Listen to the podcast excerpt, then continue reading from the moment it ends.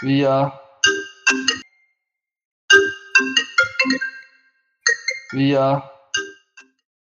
Setelah tadi kita agak agaknya bernostalgia dengan permainan dengan permainan EPL kemarin telah ditampilkan di 2020 per 2021 kita akan fokus di saat ini gitu di masa transisi untuk menuju liga musim yang baru gitu musim liga yang baru karena kita ditemani oleh Euro 2020 gitu. Meskipun mainnya di 2021 ya namanya tapi masih tetap di Euro 2020 Yoi.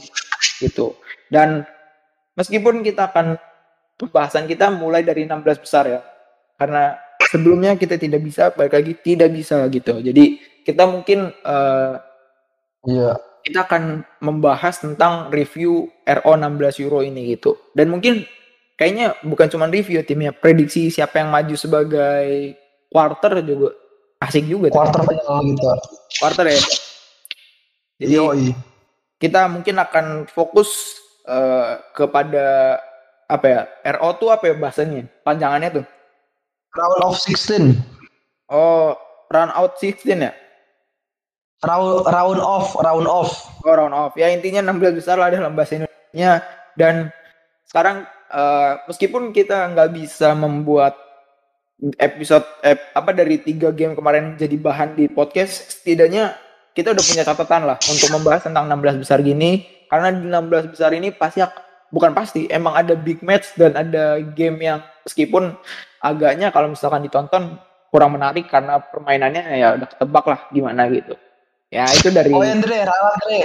Kenapa tuh? Ralat. Kan yang kema kan tadi lu ngomong harusnya kita bisa bahas tiga match awal. Sebenarnya sih bukan tiga match awal. Lebihnya ke review big match big match macam kayak Polandia Spanyol Polandia Spanyol Jerman Prancis yang gitu gitulah ya benar-benar. Betul. Itu lebihnya gitu sih. lagi tadi sama Timi intinya buk meskipun bisa nge-review tapi ada juga pembahasan match tapi meskipun kita tidak bisa tapi setidaknya itu udah jadi catatan. Udah apa ya? Udah ada di kantong kita ya tim ya? Buat tentang dengan iya, apa yang mereka bener. punya gitu. Mungkin langsung aja kita langsung masuk ke topik kedua tentang review round round of 16 Euro 2020 yang akan dimulai oleh Timi silakan tim. Waktu dan tempat. Oke. Okay. well semua Denmark. Ya ini boleh gue bilang match yang seru juga sih karena ini juga pemain pemain pemain mereka juga boleh dibilang ya bukan kaleng juga sih. Cuma kalau dari match ini gue jelas unggul ya gue lebih mengunggulkan Denmark Denmark karena permainan mereka juga walaupun ditinggal Eriksen mereka tetap bisa bermain baik. Apalagi lawan Rusia kemarin tuh mainnya gila banget sih mainnya. Keren banget. Salut dan yang bikin gue lebih salut lagi si Braithwaite bisa main bagus juga sih Denmark itu yang dulunya pemain antah berantah bisa dipanggil ke timnas dan bisa dan bisa langsung nunjukin kalau dia emang pantas untuk timnas Denmark gitu. Apa ya? Secara permainan mereka apa tuh kolaborasinya lebih mantap. Chemistry juga nyatu banget, padu banget. Lini tengah juga boleh dibilang ya cukup baik lah disokong sama dia lain dari sama Kasbar abis itu di abis itu striker Paulson juga ya not bad lah. Dan backnya ini juga ini juga bukan main-main sih Christensen sama Kejair. Apalagi sama kiper ya Schmeichel lah udah mantep itu. Dan dan gue pikir match ini bakal bisa banyak gol sih. Akan banyak gol terjadi di match ini. Dan untuk kemungkinan lolos untuk Denmark 60%, Wales 40%. Dan prediksi gue persen cetak gol. Itu sih dari kalau dari ulasan gue match Wales sama Denmark. Bentar, prediksinya siapa yang cetak gol? Paulsen, strikernya Paulsen. Denmark, okay. Paulsen. Paulsen. Oke, oke, oke, oke. Oke. Tapi sejauh ini berarti dengan apa yang lu katakan bahwa lu lebih men Denmark ya? Iya, karena secara permainan mereka lebih ini lebih kolektif. Oke, oke. Oke. Catat apa yang tadi bukan catat apa? Uh, ingat itu apa yang tentang apa yang tadi di udah Timi katakan bahwa Wales Denmark pada akhirnya Denmark yang akan melaju. Lanjut kita langsung masuk ke eh, Italia Austria. Gimana nih tim? Tunggu Dre, tapi lu nggak ada sedikit ulasan gitu Wales Denmark? Nggak ada. Mungkin mungkin lu dulu kali, lu semuanya dulu baru gua. Iya iya iya. Gitu. Italia Austria. Oke, ini ya di atas kertas jelas Italia diunggulkan apa dari lini tengah Italia juga mantap sih macam Barella terus siapa lagi tuh Verratti dan lain-lainnya lah masih banyak lagi Betul. dan backnya juga ya dari dulu emang solid sih Italia juga tapi Austria juga nggak bisa dianggap remeh sih ya cuma sayang aja Austria harus kehilangan pemain eh kehilangan mesin gol mereka tuh gara-gara selebrasi yang kontroversi itu kalau nggak salah Rebic bukan sih strikernya yang kena skorsing Siapa Rebic? Rebic atau siapa sih Rebic mah pemain Kroasia, Ante Rebic. oh iya ya salah salah ya Bentar, pokoknya bentar, adalah bentar. striker tuh baru boleh dibilang bagus lah Coba nih, aja. coba, coba gue bacain. Eh, ini Sasa Kalajic dah. ya striker Iya dia penyerang tulisannya. ah ya itu dia lah ya iya pemain itu Andre benar Oh itu. padahal itu juga punya level yang bagus sih di timnas Hmm, tapi ya untuk match ini kemungkinan lolos Italia 80% Austria 20% jauh ya. Ke persenannya Jauh, udah jauh bener tuh. Iya, apalagi karena alasan gua kayak gitu karena Itali solid banget sih. Am- orang mereka belum kejebolan juga. Betul. Gianluigi Donnarumma. Oke, kita lanjut ke Lanjut ke Belanda Ceko. Ceko. Ya, ini mah jelas Belanda diunggulkan dari segi squad. Squad Ceko pemainnya juga siapa sih ya? Gue juga nggak tahu sih. Ceko. Ya, Oh. cuma sayang aja sih. Gue belum pernah ngeliat kedua tim ini bermain di Euro Heeh. Tahun ini. Cuma kalau untuk kemungkinan lolos Belanda 70, Ceko 30. 30. Oke. dan Jadi dan apa ya di match besok prediksi gua Memphis Depay bisa golin lagi Memphis Depay prediksi Timi. Oke. yoi Catat lagi tuh. Kadang prediksi Timi karena suka suka bajingan aja gitu. Bener aja gitu. suka bener Ada ya Bajingan, bajingan. Intinya Belanda Ceko meskipun belum pernah nonton tapi lu mengunggulkan Belanda lah. Karena iya jelas itu jelas berdasarkan statistika juga Belanda kan punya pemain yang ini kan. punya pemain yang berkelas juga macam Frankie De Jong habis itu Iya. apa Wijnaldum Matis Matis Delit nah Gitu. oke kita lanjut ke Belgia Portugal super big match ini seru banget Nah, seru ini banget nih.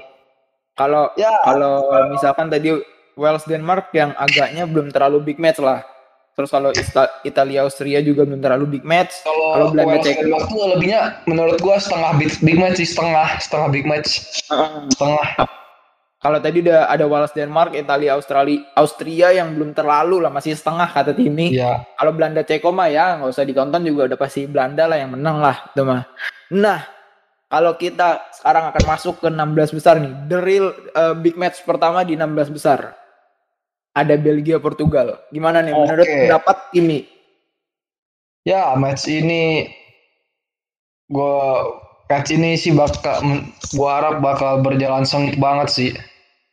Dan kalau dari squad ya Belgia pengalaman ya di atas Portugal karena Portugal banyak orang-orang yang ber- bermain di Bruno Fernandes, terus siapa lagi Ruben Dias dan lain-lainnya. Terus gue lihat juga Belgia ini mereka juga mainnya solid siapa chemistry-nya saling saling menyatu banget.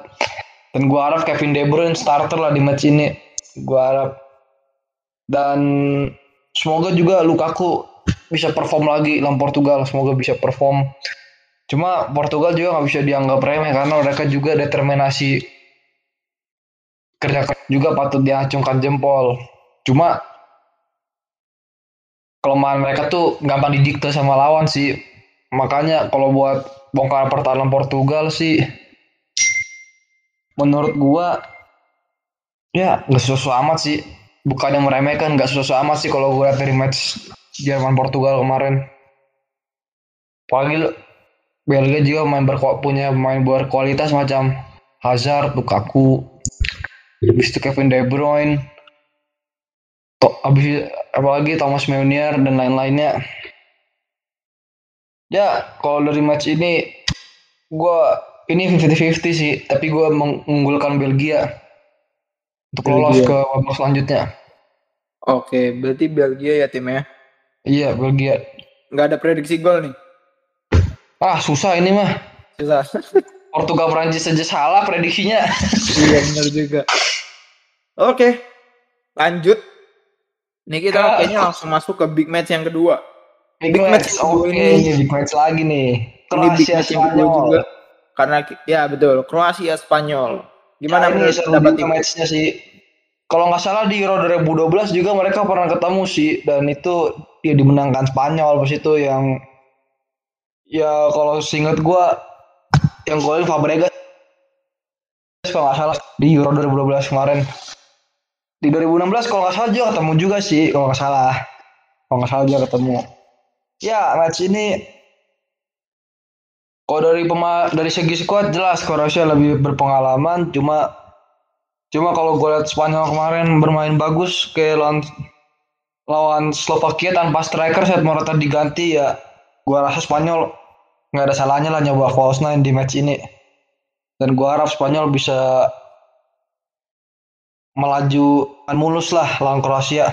Cuma harapan satu lagi Thiago Alcantara kalau bisa start terus di match ini jangan terlalu menganak emaskan Pedri sama inilah oke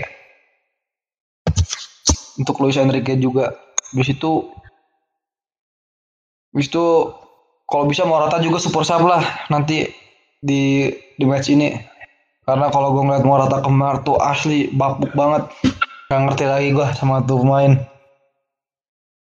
Syukur-syukur masih di- di- mau ditampung sama klub besar juga sih. Ya cuma kalau untuk lolos ya ini 60-40 untuk Spanyol 60 Kroasia 40 ya kita sekarang lanjut ke Prancis Swiss. Ya ini boleh dibilang matchnya seru banget seru juga sih boleh dibilang cuma kalau di atas kertas jelas Prancis diunggulkan dengan pemain-pemain yang mewah squad mereka. Gua rasa gua rasa apa ya? Gua rasa di match ini Benzema mungkin bisa sih golin lagi menurut gua. Tapi gua harap kalau secara sub secara subjektif ya gue berharap Swiss yang lolos lah di match ini karena kalau Prancis ketemu Spanyol juga ngeri ngeri sedap. Itu pun juga kalau Spanyol lolos ke quarter final ngeri juga sih. Ya iya gini big match yang terakhir. Ada Inggris Jerman wow. Yang akan dimainkan di Wembley Stadium. Wah ini seru banget sih Andre kalau dari squad sih jelas Jerman lebih berpengalaman karena Inggris juga banyak pemain-pemain yang baru main di Euro macam Phil Foden, Jack Grealish, Jadon Sancho. Gue sih siapa lagi tuh? Dan Henderson juga kalau nggak salah masuk timnas gak sih Indra? Dan Henderson. Tim, tes sorry sorry Oi. sorry sorry sorry. Eh enggak, yang utamanya mereka di Inggris tuh si ini siapa tadi namanya? Kipernya dari eh kiper dari mana ya? Gue lupa jadinya. Everton. Everton. Jordan Pickford. Iya, tapi kok Pickford sebelumnya udah pernah sih main di Piala Dunia. Tapi Dan Henderson masuk, masuk masuk timnas gak sih? Dia masuk kok di bawah kok. Kalau di sini sih Masuk. di- Oh. tercatat namanya. Gitu. Ya, cuma di match ini gua harap Jerman bisa mainin duet gelandang Goretzka sama Toni Kroos lah. Hmm. Gua harap di match ini habis itu habis itu duet Sané sama Gnabry juga gua harap bisa kejad bisa ada lagi gitu setelah match Hungaria Jerman. Tapi gua rasa kalau Jerman mainnya masih kayak lawan Hungaria kemarin ya maksudnya ya nggak beda jauh mainnya sa- kayak lawan Hungaria kemarin ya Gua Hmm. rasa Inggris bisa lolos sih. Cuma gue tetap unggulin Jerman kalau untuk kemungkinan lolos ya 50-50 kalau ini. 50-50. Oke. Ya. Gila. Sebelum sebelum masuk yang terakhir ya. Emang big match yang berada di 16 besar ini emang agaknya punya kemungkinan setengah-setengah ya timnya. Cuman baik lagi ini tergantung bagaimana pelatih aja yang mengatur ini semua untuk eh, mengendalikan permainan aja gitu. Iya nggak sih? Benar. Dan gua harap juga Jamal Musiala babak kedua bisa main juga cuy. Jamal Musiala. Jamal Pemain muda Musiala. dari Bayern Munchen. Iya. Orang yang lebih memilih Inggris, dia yang lebih memilih Jerman ketimbang Inggris. Oh iya. Iya, benar. Oh. Baru tahu gue. Kan dia pernah sempat main di ini tim mudanya Inggris tim U20 apa U eh enggak deh tim U, U18 eh U19. Oh, berarti dia naturalisasi ke Jerman tuh? Atau Kalau punya dikata naturalisasi sih gue nggak tahu persis, cuma so- soalnya dia pasti punya pilihan mau negara Jerman apa mau bela timnas Jerman apa Inggris gitu. Waduh, jago juga tuh. Iya. Oke oke, gila. Oke, kita masuk ke yang terakhir. Berarti Jerman Inggris setengah-setengah, tapi lo lebih mengunggulkan Jerman. Iya, benar. Oke, baik baik baik. Kita langsung masuk ke yang terakhir nih, Swedia Ukraina. Nah, kalau ini match apa ya? Biasa aja lah. Biasa aja. Biasa aja cuma Iya kalau mungkin di atas kertas emang sih Swedia emang diunggulkan apalagi pemain mereka juga ada sebagian yang berkelas gitu apa terutama Alexander Isak yang lagi naik daun nih karena dia juga mesin golnya Real Sociedad sama timnas Swedia juga. Cuma Hmm. gue berharap di match ini Ukraina bisa lolos karena gue nggak mau sih kalau Ukraina cuma sekedar numpang nama di Euro doang. Sebenarnya bisa tunjukin lah kalau dia kalau Ukraina ini juga tim yang bisa mampu bersaing lah. Apalagi mereka juga dilatih sama pemain legendaris mereka Andriy Shevchenko gitu. Hmm. Itu aja sih dari ulasan gue soal Swedia Ukraina kayak susah gitu. Gue juga nggak pernah ngeliat mereka main sih. Oh gitu. Iya. Alah sirah. Ya, gimana? Udah berarti tim. Berarti prediksi lu murni ke Apa Andre? eh, maksudnya yang bakal menang Maksudnya yang menang siapa aja?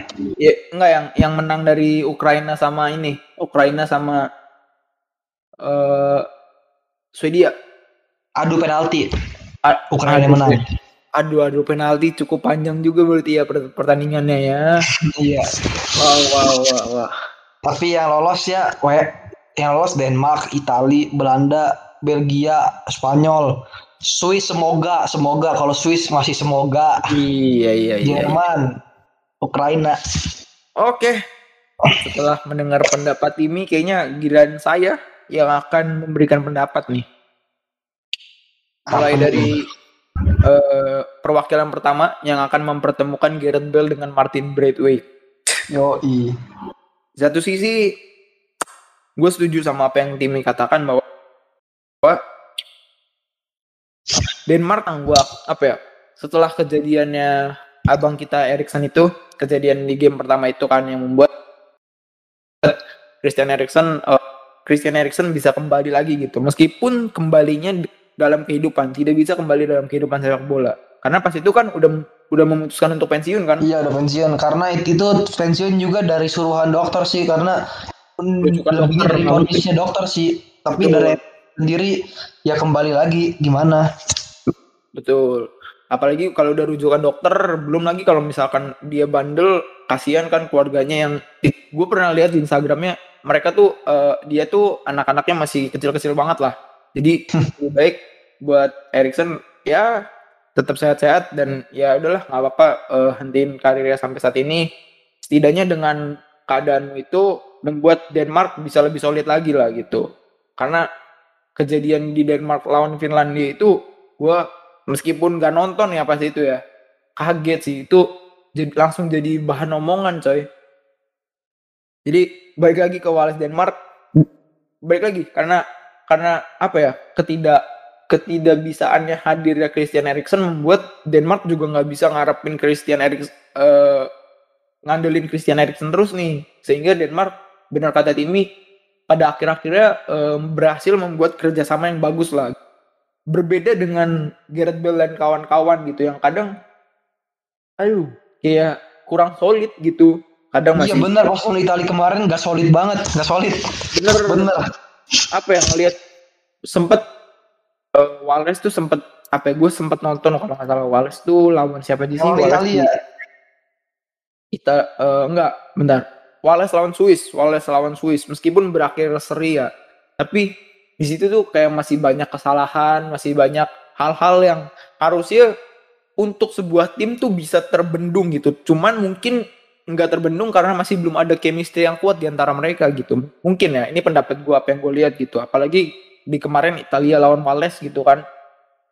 Ya Itu apalagi Aduh, sih, bener deh, bener. masih butuh banyak banget eh, permainan gitu. Karena mereka Wallace ini kayaknya sama sekali belum panas gitu. Abang eh kok abang Gareth Bale pun sebagai kapten kayaknya eh, belum sanggup untuk ngelit mereka eh, sebagai kapten sih. Gitu. Gue takutnya nanti Wallace malah panasnya di 80 menit terakhir untuk lawan Denmark kan. Tapi Tapi, apa deh? sejauh itu meskipun Wallace masih kurang solid, gue masih mengungguli Wallace sih karena Wallace dengan Gareth Bale dan Daniel James nih yang yang apa ya bisa menurut gue ada kemungkinan nih Daniel James. Karena selain Daniel James pun eh, mereka eh, kayak Aaron Ramsey, Ethan Ampadu juga udah punya permainan yang baik ya. Tapi baiknya tuh masih secara individu sih masih belum bisa dibilang secara tim gitu tapi gue apa ya kalau gue lebih subjektif karena gue seneng Gareth Bale aja sih. Gitu. Kalau ini lebih ke subjektif ya kalau yang Ya, Wales Denmark. Tapi kemungkinan kayaknya gue juga berharap aja lah Wales lah maju gitu. Itu aja sih kalau Nah. Wales Denmark. prediksi lu match ini bakal gimana? Bakal banyak gol atau nggak nggak ada siapa yang ngegolin gitu? aduh kalau misalkan prediksi permainan ya. Karena Ya, karena gini mengingat apa yang lu katakan tim gue setuju sama apa kan bahwa eh, Denmark tuh secara kerjasama udah bagus banget lah. Tapi di game ini kayaknya eh, Wales tuh akan meng- bisa unggul karena apa ya karena eh, Denmark nanti akan melakukan sebuah kesalahan gitu. Pasti akan terjadi blunder sehingga pada akhirnya Wales mm, memaksimalkan keblunderannya itu kalau menurut gua ya. Karena kadang dengan dengan bagusnya kerjasama juga membuat eh, suka ada blunder ya. Meskipun blunder tuh kejadian yang tidak bisa dihindari ya.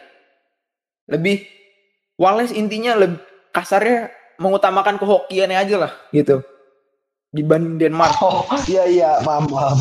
gitu Oke, gua gua harap Lord Braithwaite bisa bermain bagus sih. Kayak kemarin lawan Rusia tuh bagus banget dia. Apa tuh namanya build up serangannya benar gila bagus banget. Mainnya malah lebih lebih gece lagi mainnya. Kalau di Barca kan kayak lelet gitu, kayak nggak tahu harus ngapain gitu Ya. ke mana. Cuma kalau di Denmark gila sih, yang wah ini nih pemain antah berantah yang sekarang derajatnya udah naik di di timnas gitu.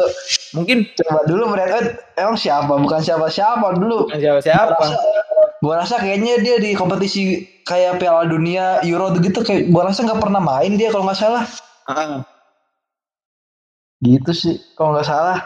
mungkin mungkin gini ya gue lebih nyimpulin gini untuk mungkin di gue kagum sama Braithwaite karena setelah dia hadir di Barcelona karena dia dipanggil Barcelona dan bermain bersama Barcelona ya meskipun pada akhirnya kalau kata Timi Braithwaite di Barcelona tuh ya ya kayak lari-lari aja gitu.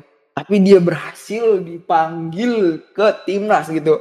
Menurut gue wah unik juga nih gitu. Tapi mungkin gini kesimpulannya. Eh, Braithwaite tuh masih belum siap untuk bermain bersama Barcelona. Tapi kalau ketika bermain bersama Denmark, hitungannya mereka eh, dia masih bisa ada kesiapan lah gitu. Karena karena beban bersama Barcelona tuh pasti dia megangnya berat banget.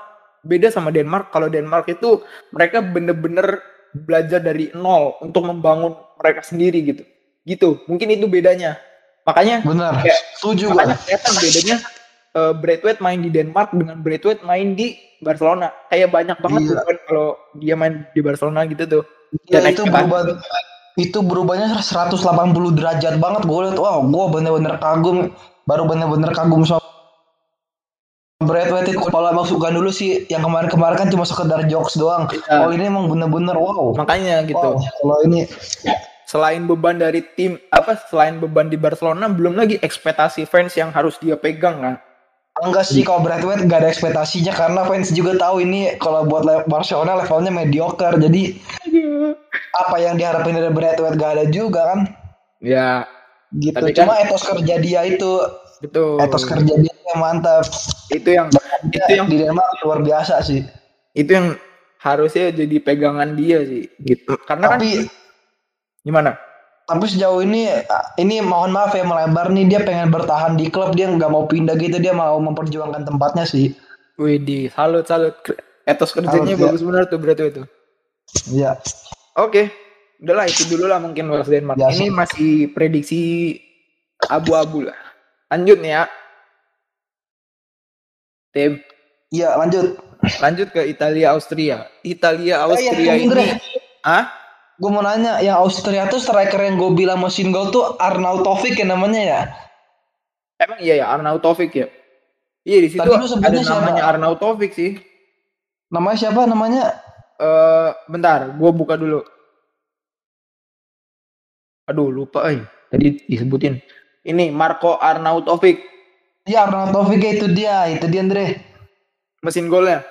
Iya mesin golnya itu ya. Oh.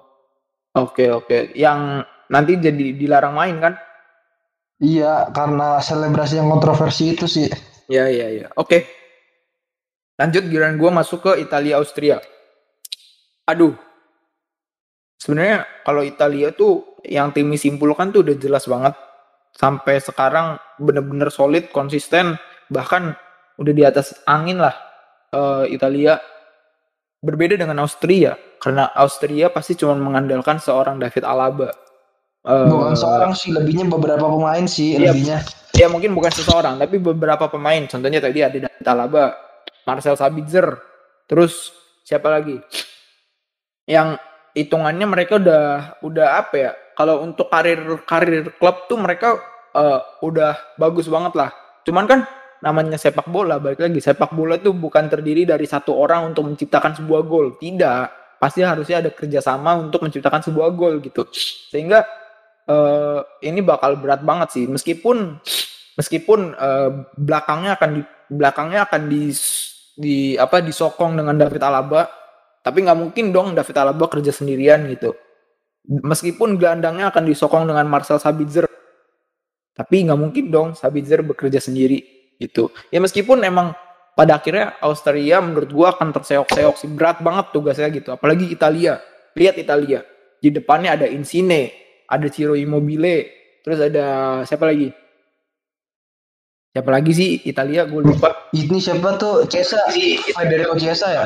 oh ya Federico Chiesa. Oh iya, Eh, di, misalkan di tengahnya ada tadi kata Timin Nicolo Barella ada Jorginho yang salah satu hitungannya dia pemain dari yang berhasil menjuarai Liga Champion di musim kemarin bersama Chelsea Oh iya Verratti, es itu ada Verratti. Iya ada Verratti juga, ada Locatelli yang di mana hitungannya di musim ini bersama Italia tiga game bersama Italia mempunyai penampilan yang menarik gitu kan. Ke ke belakang Itu ya, salah satu inceran Ancelotti juga kan ya? ya di back ya kita udah nggak kaget lah dengan hadirnya Giorgio Cellini. Terus ada siapa lagi? Eh satu lagi tuh yang temennya Bonucci itu kita udah nggak kaget lah karena mereka kalau dalam karir profesional udah nggak usah ditakutkan lagi lah hitungannya kan udah senior Udah senior, udah pernah ke final Champions League. Ah, Betul.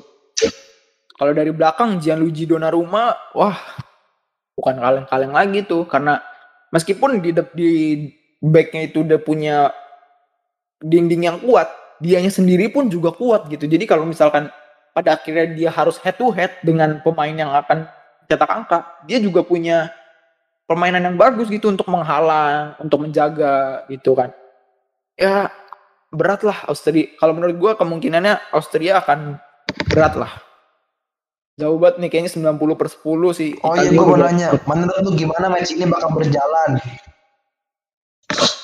Eh Austria balik lagi meskipun dengan usahanya yang keras tapi kayaknya akan sangat berat banget. Karena gini eh kalau kita lihat Austria meskipun punya pemain sekelas David Alaba dan Marcel Sabitzer eh, nggak bisa di emang nggak bisa dianggap enteng. Tapi apa ya dengan kejeniusan dari Roberto Mancini yang membuat sisi kanan sayap kanan dan sayap kiri pun bekerja sehingga David Alaba pasti akan bekerja keras nih gitu.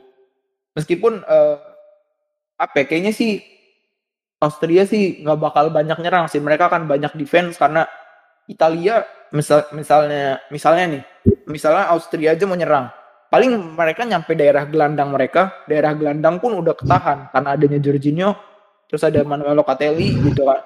Nggak nyampe back. Kalau nyampe back juga masih akan ditahan dengan pemain-pemain yang hitungannya udah keras banget lah kalau Italia kan dari back ngumpan ke depan juga pasti bakal disambut dengan baik karena di depannya pun punya pemain yang hitungannya udah enak banget tektokannya tuh itu jadi ya Austria harus mengunggulkan counter attack dengan celah yang tepat dan kesempatan yang tepat. Kalau enggak, bubar.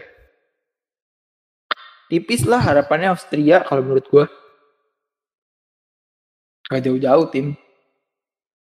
Paling ya. Oke, okay. jadi prediksi match lu bakal gitu ya prediksinya ya? Ya. Eh, maksud gue matchnya berjalannya bakal kayak gitu ya? Iya, benar benar. Gitulah.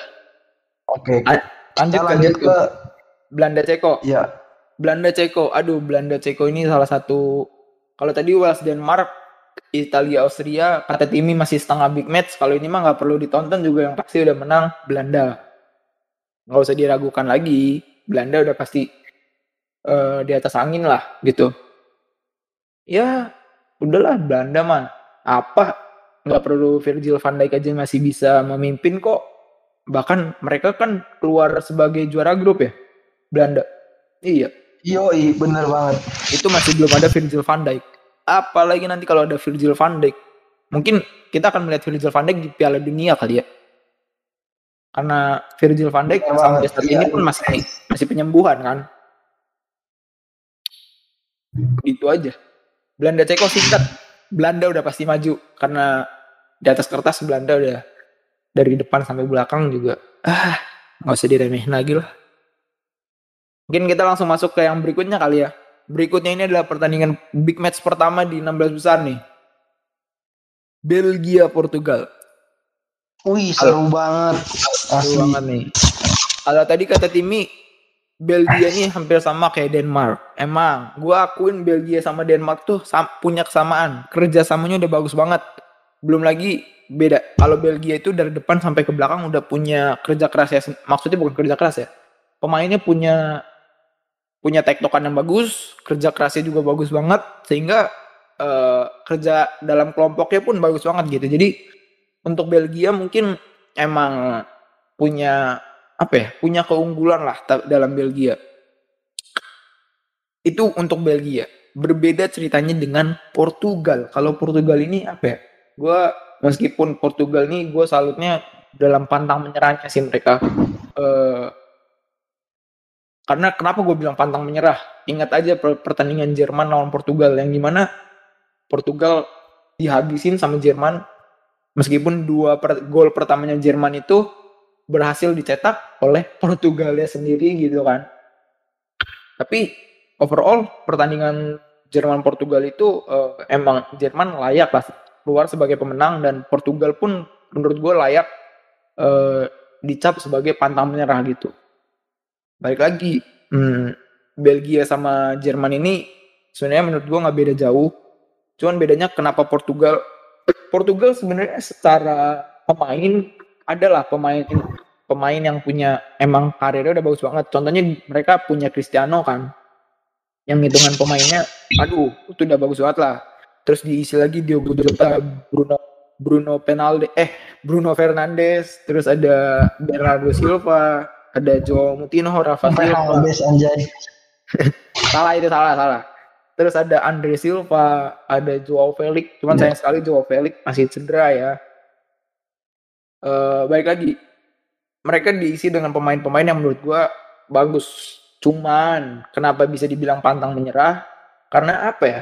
Nggak tahu gue penasaran sama apa yang ada di kepalanya Fernando Santos ya. Karena menurut gua uh, meskipun Ronaldo masih diandalkan sampai sekarang, Cristiano masih diandalkan. Tapi yang gue lihat dari tiga game pertama Portugal main tuh kayaknya Ronaldo tuh udah beda gitu. Kalau Ronaldo yang dulu dia bukan cuma menunggu sebuah bola ataupun menunggu sebuah penalti, tapi dia bisa dengan sang sangarnya menciptakan sebuah Lego, menciptakan sebuah peluang gitu. Uh, entah kenapa kalau di Portugal kali ini kayak ya udah kayak dia cuman nungguin untuk sebagai striker aja gitu. Dan yang gue bingungin adalah Andre Silva di musim 19 eh 20 per 21 itu punya permainan yang lagi bagus gitu. Kenapa nggak uh, Santos nyobain sebagai Ronaldo diputer? Maksudnya Diogo Jota taruh dulu nih di di cadangan. Cobain dulu nih uh, Ronaldo Cristiano diputer ke kiri, Andre Silva dicobain di kanan, di depan gitu. Gue pengen lihat soalnya karena udah dari berapa game dua game kayaknya sempet Andre Silva tuh main, cuman mainnya tuh di menit 85 ke atas itu menurut gue aduh. Karena Andre Silva tuh lagi di apa ya hitungan dari klub tuh punya catatan yang bagus. Kenapa nggak dicobain sih? Kenapa cuman Ronaldo Ronaldo aja gitu? Meskipun uh, emang Ronaldo sendiri bagus, cuman menurut gue udah turun lah sekarang gitu. Bedanya gitu. Uh, Maksudnya lebihnya sangat dibutuhkan kali Ronaldo itu lebihnya sangat dibutuhkan gitu Bre. Uh, uh, cuman cuman kan ya maksudnya kalau udah dari satu game belajar lah untuk mencoba memutar muter lain gitu. Barangkali ada perputaran yang lebih tepat lagi gitu tim. Gitu. Terus uh, tadi meskipun emang apa ya di depan udah ada Cristiano. Tapi menurut gue di belakangnya tuh kayak dimainkan seorang uh, Bruno Fernandes gitu. Menurut gue nggak tahu ya ini pendapat gue murni ya. Fernandes dengan Ronald, uh, Cristiano tuh kayak masih belum ada kecocokan. Sehingga mainnya masih kayak kurang aja gitu. Jadi kayak kurang cocok dan membuat kayak kurang nyatu lah yang gue lihat ya dari tiga game itu. Ini ini murni pendapat gue gue nggak tahu kalau pendapat yang lain gimana itu. Jadi kayak uh, mereka tuh Ronald Cristiano ini lebih cocoknya sama Bernardo Silva dengan Diogo Jota gitu. Yang membuat iya apalagi apa tuh Andre? Namanya kolaborasi mereka pas lawan Jerman mantep banget sih. Apalagi Ronaldo tuh apa tuh 10 detik dia lari dari belakang sampai sampai ke gawang Jerman itu benar-benar cepet banget. Cuma 10 detik Dre dan um, usianya udah 36 wow itu gila banget sih menurut gua. 36 10 detik itu rekor yang gila sih. Gitu kan? Iya sih jadi hitungannya ya uh, Santos harus bisa nih. Jangan cuman mainin yang formasi yang gitu-gitu aja. Maksudnya harusnya Andre Silva mungkin bisa gitu kan dicobain gitu. Ah gue penasaran Joao Felix tapi Joao Felixnya cedera. Nggak. kayaknya mungkin kalau kayaknya ya Cristiano sama Felix kayaknya bakal lebih nyatu sih. Kayaknya. Kan gue belum lihat aja. gue malu setuju gue penasaran aja karena kalau sama Bruno tuh kayak aduh kayak kayak kurang kayak Bruno juga lebih mengutamakan egonya gitu kan. Itu apa yang gue lihat doang ya murni pendapat Bruno gua. kayak gitu ini sih. Gue rasa dia kayak gitu karena itu sih gue rasa. Eh kenapa karena masih ke bawah main yang kayak di MU masih ke bawah. Oh iya iya, iya. soalnya dia kalau dia ngerasa apa tuh permainan dia di MU itu layak diterapin di Portugal gitu. Oh gitu. Itu juga nggak ada salah.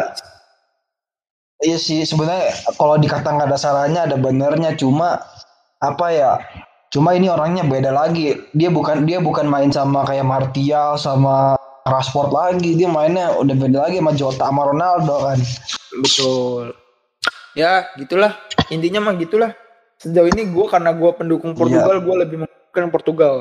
Meskipun mereka akan kerja keras banget ya kalau misalkan nanti um, masih nggak main nggak nyoba perputaran kayaknya Portugal harus kerja keras banget nih karena Belgia dengan koneksinya yang kuat banget antara satu tim bisa membuat uh, apa ya Portugal kebingungan lah. Apalagi oh ya lini belakangnya Portugal tuh masih belum solid banget. Kayak Pepe sama Ruben Dias masih kayak belum kayak masih ada ketidakcocokan gitu sehingga mungkin uh, Enggak apa tuh gini sih sehingga mereka tuh gampang didikte sama lawan. Betul. Gitu. Ya meskipun di 20 per 21 di Porto PP punya permainan yang bagus karena menghentikan Ronaldo di UCL. Ruben Dias berhasil menghentikan Neymar dengan nol peluang coy Ruben Dias gila banget tapi balik lagi uh, karena ini levelnya timnas bukan bermain untuk klub gitu. Jadi mereka akan bertemu dengan cara bermain yang beda. Apalagi hitungannya kan PP nih. PP sama Dias PP yang udah senior punya permainannya sendiri. Dias yang masih baru juga punya permainannya sendiri. Sehingga mau nggak mau egonya nggak boleh satu-satu nih. Egonya harus nyambung biar back ini bisa lebih solid gitu. Gitu sih satu lagi. Iya. Uh, di bek kanan sih yang gua pengen ini. Eh bek kanan ya? Bek kanan kan Nelson Semedo. Kenapa nggak Santos nyobain Cancelo daripada Semedo terus? Karena meskipun ya uh, sih Pak Cancelo juga kemarin bagus sih. Di City bagus juga. Iya gitu. Jadi harusnya adalah uh, Cancelo bisa main gitu. Gua gitu rasa ini sih Dre. Kenapa dipasang Semedo? Karena buat overlap buat apa tuh overlap serangan dari back kanan tuh Semedo punya kecepatan yang bagus sama penyerangan lebih oke dibanding Cancelo. Kalau Cancelo tuh mainnya kan cuma sekedar crossing crossing doang kalau yang gue tahu ya. Betul. Tapi kan gitu ya itu sebenarnya bisa juga dijadikan alasan. Cuman nggak menutup kemungkinan mungkin kalau dari gue kalau pemikiran gue ya cobain dulu di back satu di babak pertama misalkan fokus di pertahanannya dulu Nanti ketika misalkan musuhnya udah mulai lengah nih, baru Semedo masuk buat uh, nge-backup uh, posisi dari Bernardo Silva gitu. Karena menurut gua uh, ketika dari awal aja backnya udah mulai turun mentalnya, ini bakal berat nih karena ini juga punya porsi yang cukup banyak untuk membuat tim tuh uh, lebih pede gitu. Gitu sih menurut gua. Atau ini pemikiran gua aja. Cuman balik lagi kita akan melihat nanti Setuju sih gimana Santos akan merampung. Gitu.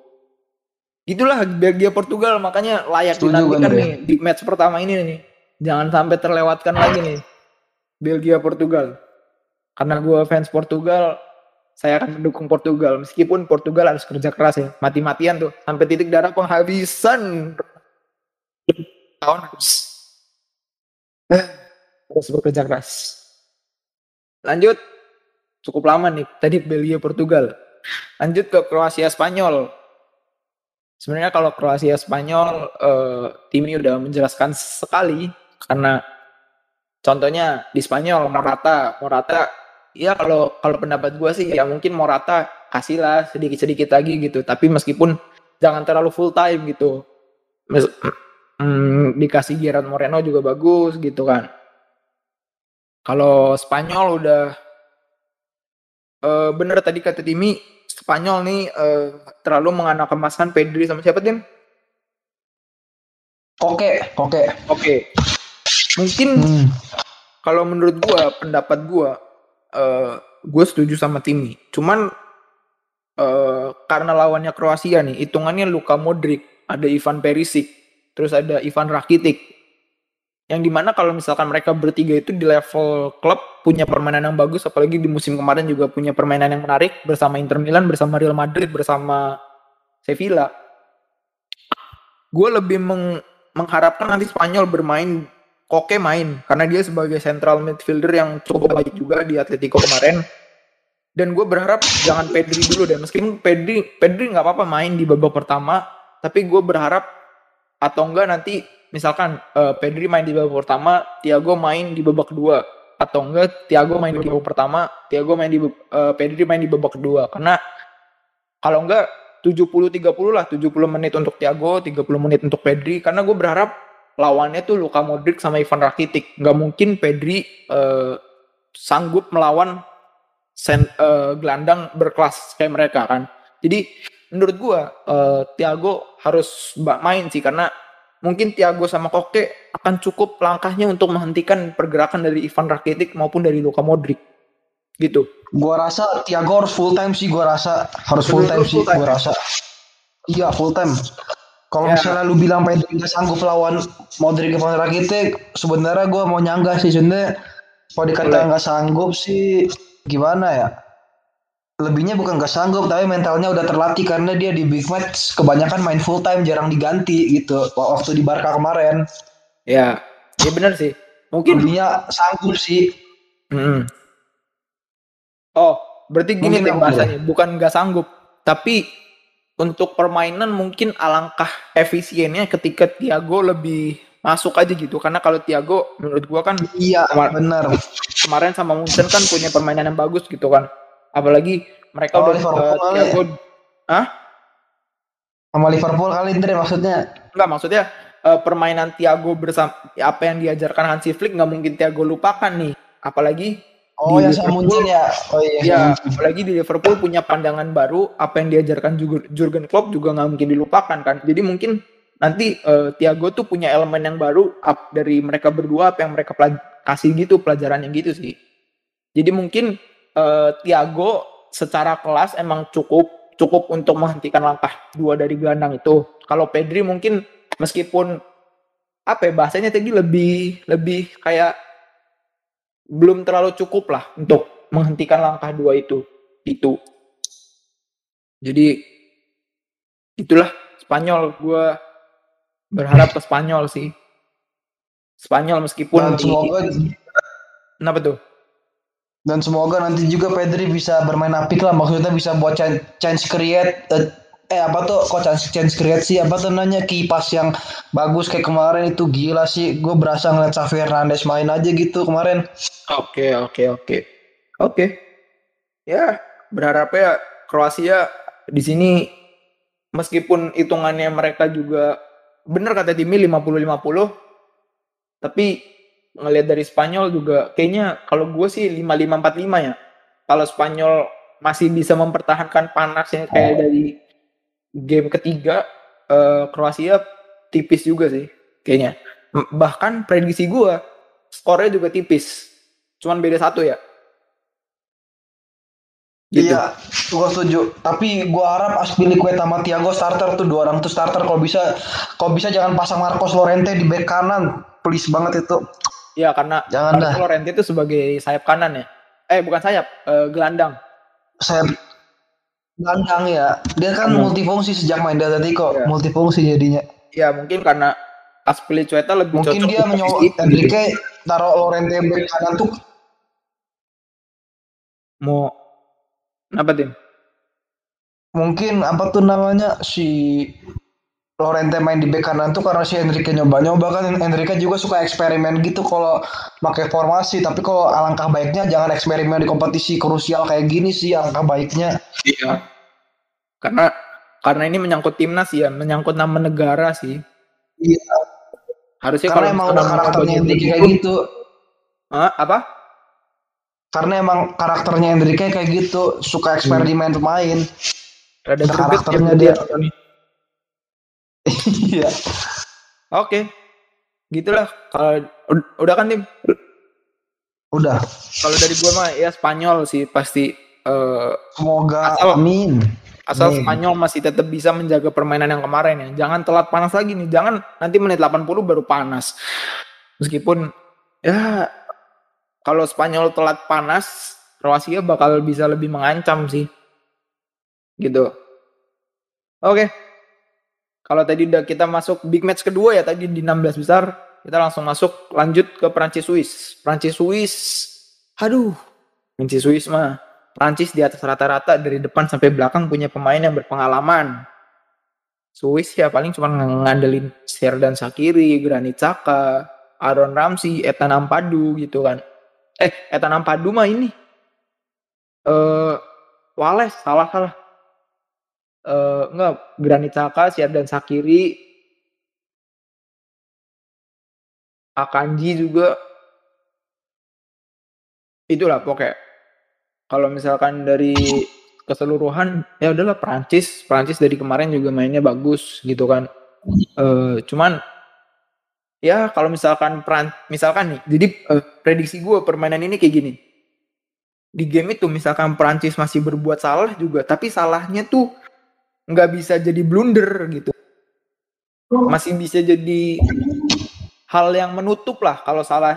Maksudnya gimana ya? Salahnya tuh nggak 100% jadi salah. Masih bisa jadi bener lah. Tapi kalau Swiss kalau ya salah ya udah salah. Bener ya bener gitu. Kalau misalkan Prancis ya yang salah masih bisa jadi bener ya bener tetap jadi bener gitu. Karena dari komposisi squad juga eh, udah 100% ya. Apalagi diisi di gelandangnya ada Kante yang kemarin keluar sebagai juara Liga Champion di Inggris di Chelsea yang punya permainan yang bagus juga kan menghentikan De Bruyne terus bahkan uh, ya pokoknya itulah. Jadi Kante Pogba Pogba meskipun di MU kurang kelihatan ya tapi kemarin dari tiga game kemarin Pogba menunjukkan dengan apa ya? Gue kira umpan-umpannya Pogba tuh rada random tapi randomnya tuh random gila. Bisa jadi asis bisa jadi gol contohnya tendangan Pogba yang lawan Portugal itu kalau Patricio nggak tangkis atau nggak halau, woi bahaya jadi gol.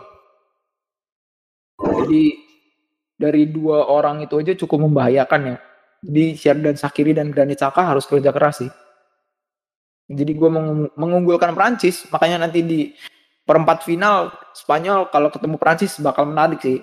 Meskipun timnya uh, secara tapi semoga jangan sih jangan Spanyol Prancis juga Meskipun timnya kalau Prancis Swiss lebih subjektifnya ke Swiss ya, tapi meskipun objektifnya ke Prancis, gue berharap pasti iya. Ah, ya meskipun kemarin Prancis bisa ditahan sama Hongaria, tapi nggak menutup kemungkinan kalau Swiss juga nanti bisa uh, menutup apa bahkan membalikkan Prancis kayak Hongaria. Waduh, Makanya ini nggak bisa dianggap enteng nih. Sekelas Hongaria aja bisa nahan Prancis. Oh iya Andre. Oh iya. Kenapa? Seandainya Spanyol ketemu Prancis ini bisa jadi pembuktian dari Aymeric Laporte. Dia dulu di Perancis dulu jadi orang Prancis gak pernah dimainin tapi dia di Spanyol bisa nunjukin levelnya kalau dia tuh yang sebenarnya pantas kalau buat main di timnas gitu. Apalagi Laporte kemarin gol di Slovakia. Benar benar benar benar. Itu juga itu juga wow, itu juga mantap sih emang. Itu bisa ya. jadi ajang pembuktian ya. juga. Benar benar benar. Tapi gua rasa Spanyol atau Perancis sih gua juga nggak masalah karena Spanyol kalau sama Enrique mentalnya lebih oke karena Enrique tuh mental pelatih yang apa ya? Punya mental yang bagus lah. Pelatihnya sendiri pun punya mental yang bagus untuk membentuk mental-mental iya. dari pemainnya.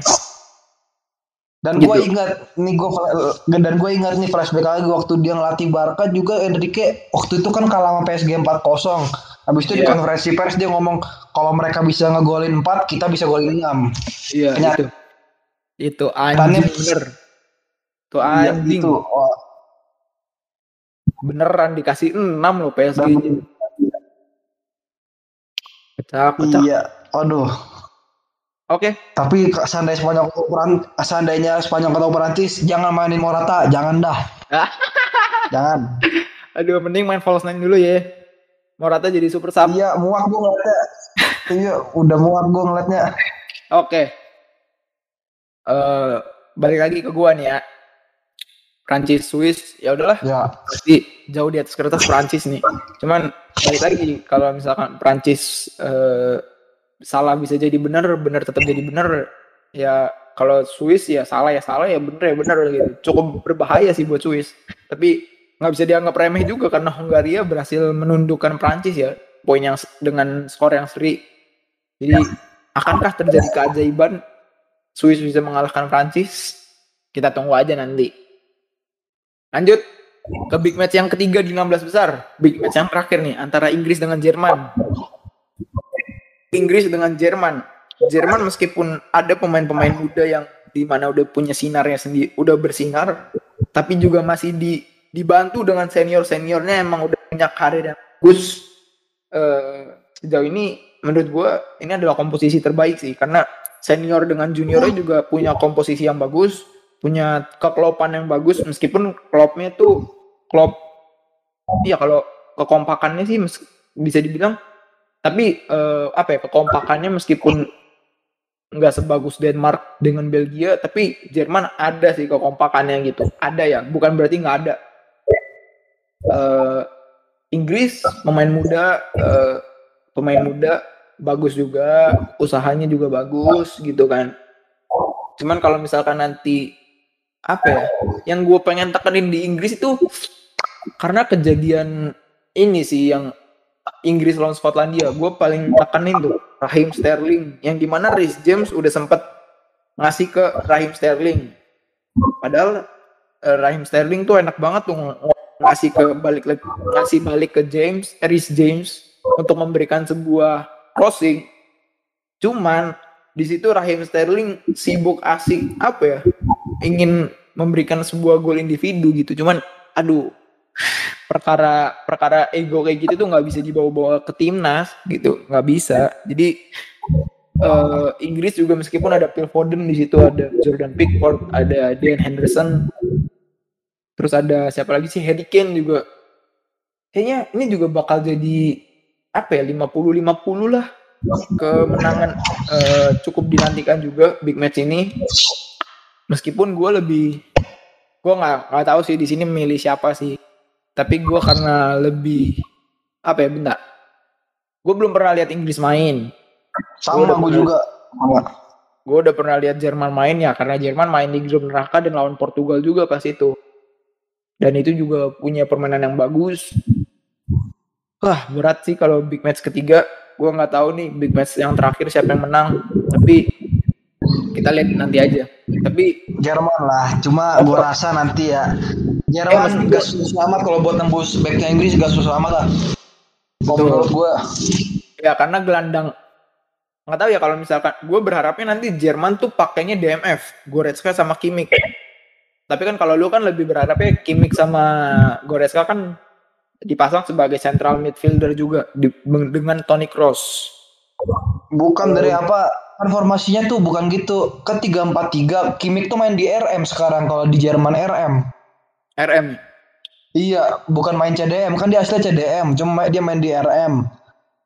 Nah, yeah. harapan iya gua tuh CM Goretzka Toni Cross gitu. Oh. Uh. Iya soalnya kok Goretzka dengan tipikal bermainan gitu cocok sih buat apa tuh buat duel lawan gelandangnya Inggris cocok dia. Apalagi kan juga cocok sih. Cuma gue lebih prefer sama Goretzka. Iya benar. Apalagi Kimmich kalau untuk skill individu apalagi dengan tusukannya juga bagus banget sih. Jangan lupa Gosen juga sih, Gosen juga iya, gak boleh dilupakan juga. Parah saingan Grab. Jadi parah cuy. Aduh, cuman Inggris tuh gimana ya? Bedanya kalau Jerman tuh ada seniornya juga yang bisa mental dan membantu permainan gitu. Jadi senior dan juniornya juga sama-sama punya apa ya keseimbangan lah. Jadi ya meskipun gue lebih mengunggulkan Jerman tapi Inggris juga nggak bisa dianggap remeh sih itu gerbang selatan oh, iya, hati-hati iya, itu apa tuh namanya nah. si siapa tuh apa uh, si Bellingham juga Inggris kan ya Bellingham ya dipanggil juga kan Bellingham Bellingham kalau berdasarkan Google dia dicatat namanya ada kok oh iya kok ya pasti dia sempat main juga ya Bellingham oh iya gue inget Dre mm -hmm waktu Musia masih bela Inggris dia duet bareng Bellingham dulu. Oh, iya. Gitu, iya duet cuy. Oh. Du, pemain Dortmund kan tuh Bellingham, ya Musiala Munchen, iya. Musiala. Benar, benar, benar. Ya, Inggris bisa menang asal backnya jangan Harry Maguire lah. eh, tapi, eh tapi gitu gitu statistiknya Maguire lebih bagus daripada Ruben Dias di musim ini cuy. Statistiknya Loh, gila. Yang bener sih. Iya bener, beneran. Bagusan statistik Harry Maguire malah di musim 2021. Tapi kok apa apa? Kok yang gue lihat kok Harry Maguire kayak lebih lawak ya daripada Ruben Dias ya? Itu sempat lawak, cuma sekarang udah ada perubahan performa gitu di paruh musim kedua ada udah perubahan. Ya, benar juga sih. Oke, ya udah kita tunggu nanti aja. Uh, Jadi lu berharap Inggris sama bertengahnya? Jerman lah meskipun enggak maksudnya lu berharapnya Inggris tuh back tengahnya siapa yang main back tengah aduh yang gue tahu tuh di Inggris tuh cuman si ini doang Harry Maguire emang ada siapa lagi sih back tengahnya Harry Maguire. Eh tadi Maguire sama siapa lu bilang? Maguire doang yang gue bilang. Oh. Sebenarnya aduh siapa apa ya? Gak mungkin Jones sama Smalling. Ah, itu loh bawak itu. Aduh, gue lupa sih bahasa Inggris siapa aja asli. Lupa gue. Ada Tyron Mings. Kalau Trent Alexander kan bek kanan. Iya. Kieran Trippier juga sebenarnya bek kanan. Ada oh iya, Kel, Walker mah bek kiri. Walker yang- kanan, eh back kanan itu mah. Oh iya Walker Cuma kanan. dipasang kiri, dipasang di kiri kan Southgate gitu, back kiri yang main back kanan. Iya Kan kelakuan Southgate kan gitu. Bre. Heeh. Nah, yang gua Oh iya, Inggris juga nggak bisa dianggap remeh karena ada Ben Chilwell, Luke Shaw. Luke Shaw bagus banget tuh kemarin di MU tuh. Luke Iya Shaw. sih, benar. Mason Mount juga. Aduh, Mason Mount, Mason Mount. Ada Mason Mount, eh siapa lagi? Ya gitulah pokoknya. Tapi sejauh ini gue sih lebih percaya bahwa pada akhirnya Jerman yang akan melanjutkan ke 8 besar berarti ya. Gitu. Itu aja big match yang terakhir. Dan yang terakhir nih, game yang terakhir, Swedia Ukraina. Swedia keluar sebagai juara grup. Ukraina keluar sebagai peringkat tiga di grup. Gue cuman pengen bilang kalau Swedia emang bagus banget mainnya. Tapi eh, kalau misalkan Swedia mau memenangkan game ini, Swedia harus bisa belajar dari permainannya Belanda sih. Karena meskipun apa ya, yang gue dengar Timi sempat mengatakan Belanda Ukraina permainannya bagus dan gue juga nonton dari beberapa pandangan eh, orang yang nonton sepak bola gimana Belanda Ukraina sehingga Swedia ba- harus bisa belajar dari Belanda juga gitu untuk bisa menyambangi Ukraina gitu. Karena Ukraina ya meskipun peringkat tiga tapi ya gue nggak berharap banyak sih Ukraina. Gue kira Ukraina kipernya Andriy Lunin. Kalau misalkan sampai nanti Andriy Lunin bisa masuk 8 besar gue pengen lihat persaingan antara Andriy Lunin dengan Thibaut Courtois tapi Gini Kipernya- sih, Lunin tuh kan jarang main, jadi susah masuk timnas juga, Andre. Susah. bener-bener jadi ya apa ya? Catatannya balik lagi Swedia harus bisa belajar dari Belanda bagaimana cara Ukraina bermain. Ukraina juga harus bisa eh, lebih memantapkan lagi karena sama Belanda aja bisa bisa apa ya di babak keduanya kan memberikan permainan yang baik tuh Ukraina juga harus bisa belajar dari situ sih jadi Oh iya, Ukraina pemainnya ini Zichenko, Alexander Zichenko, baru ingat gua. Zinchenko ya Iya, Zinchenko itu dia. ya udahlah paling itu aja gue berharap gue lebih milih Swedia sih yang eh Ukraina Ukraina Ukraina.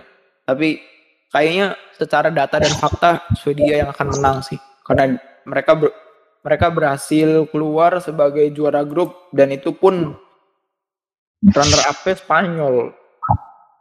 Makanya kayaknya Ukraina eh, harus kerja keras dari sini. Udah gitu aja lah ini eh, pre- pre- prediksi yang ada abu-abu sih tapi layak banget untuk dinantikan nih. Gitu. Ya nggak sih? Yoi. gitu. Jadi udah kan tim atau ada yang mau lu tambahin lagi?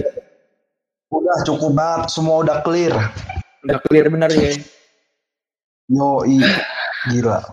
Ya udah kita akan saksikan. Mungkin bukan mungkin emang eh, permainan kalau misalkan podcast ini dirilis nanti hari Senin sampai Selasa ya kemungkinan Selasa lah. Jadi setidaknya eh, kalian sebelum nonton pertandingan Inggris Jerman kalian bisa dengerin dulu barangkali mau dengerin. Tapi setidaknya eh, meskipun eh, akan melewatkan Wales Denmark tapi akankah permainan-permainan yang sudah kita sebutkan bisa terjadi nanti di game nanti? Kita tunggu aja nanti malam jam 11 karena akan mempertemukan Wales Denmark gitu udah ya kali ya tim? Udah, udah cukup. udah siapa yang mau nutup nih Gua. boleh silakan Ya, deh sekian dari sekian dari episode kita di episode 12 season 2. Gua penerusnya Brad White, tim Yarden dan rekan gua. dan gua adalah Low Galer Andreas Rando Pamit mengundurkan diri. Sampai jumpa di episode berikutnya. dadah. Sampai jumpa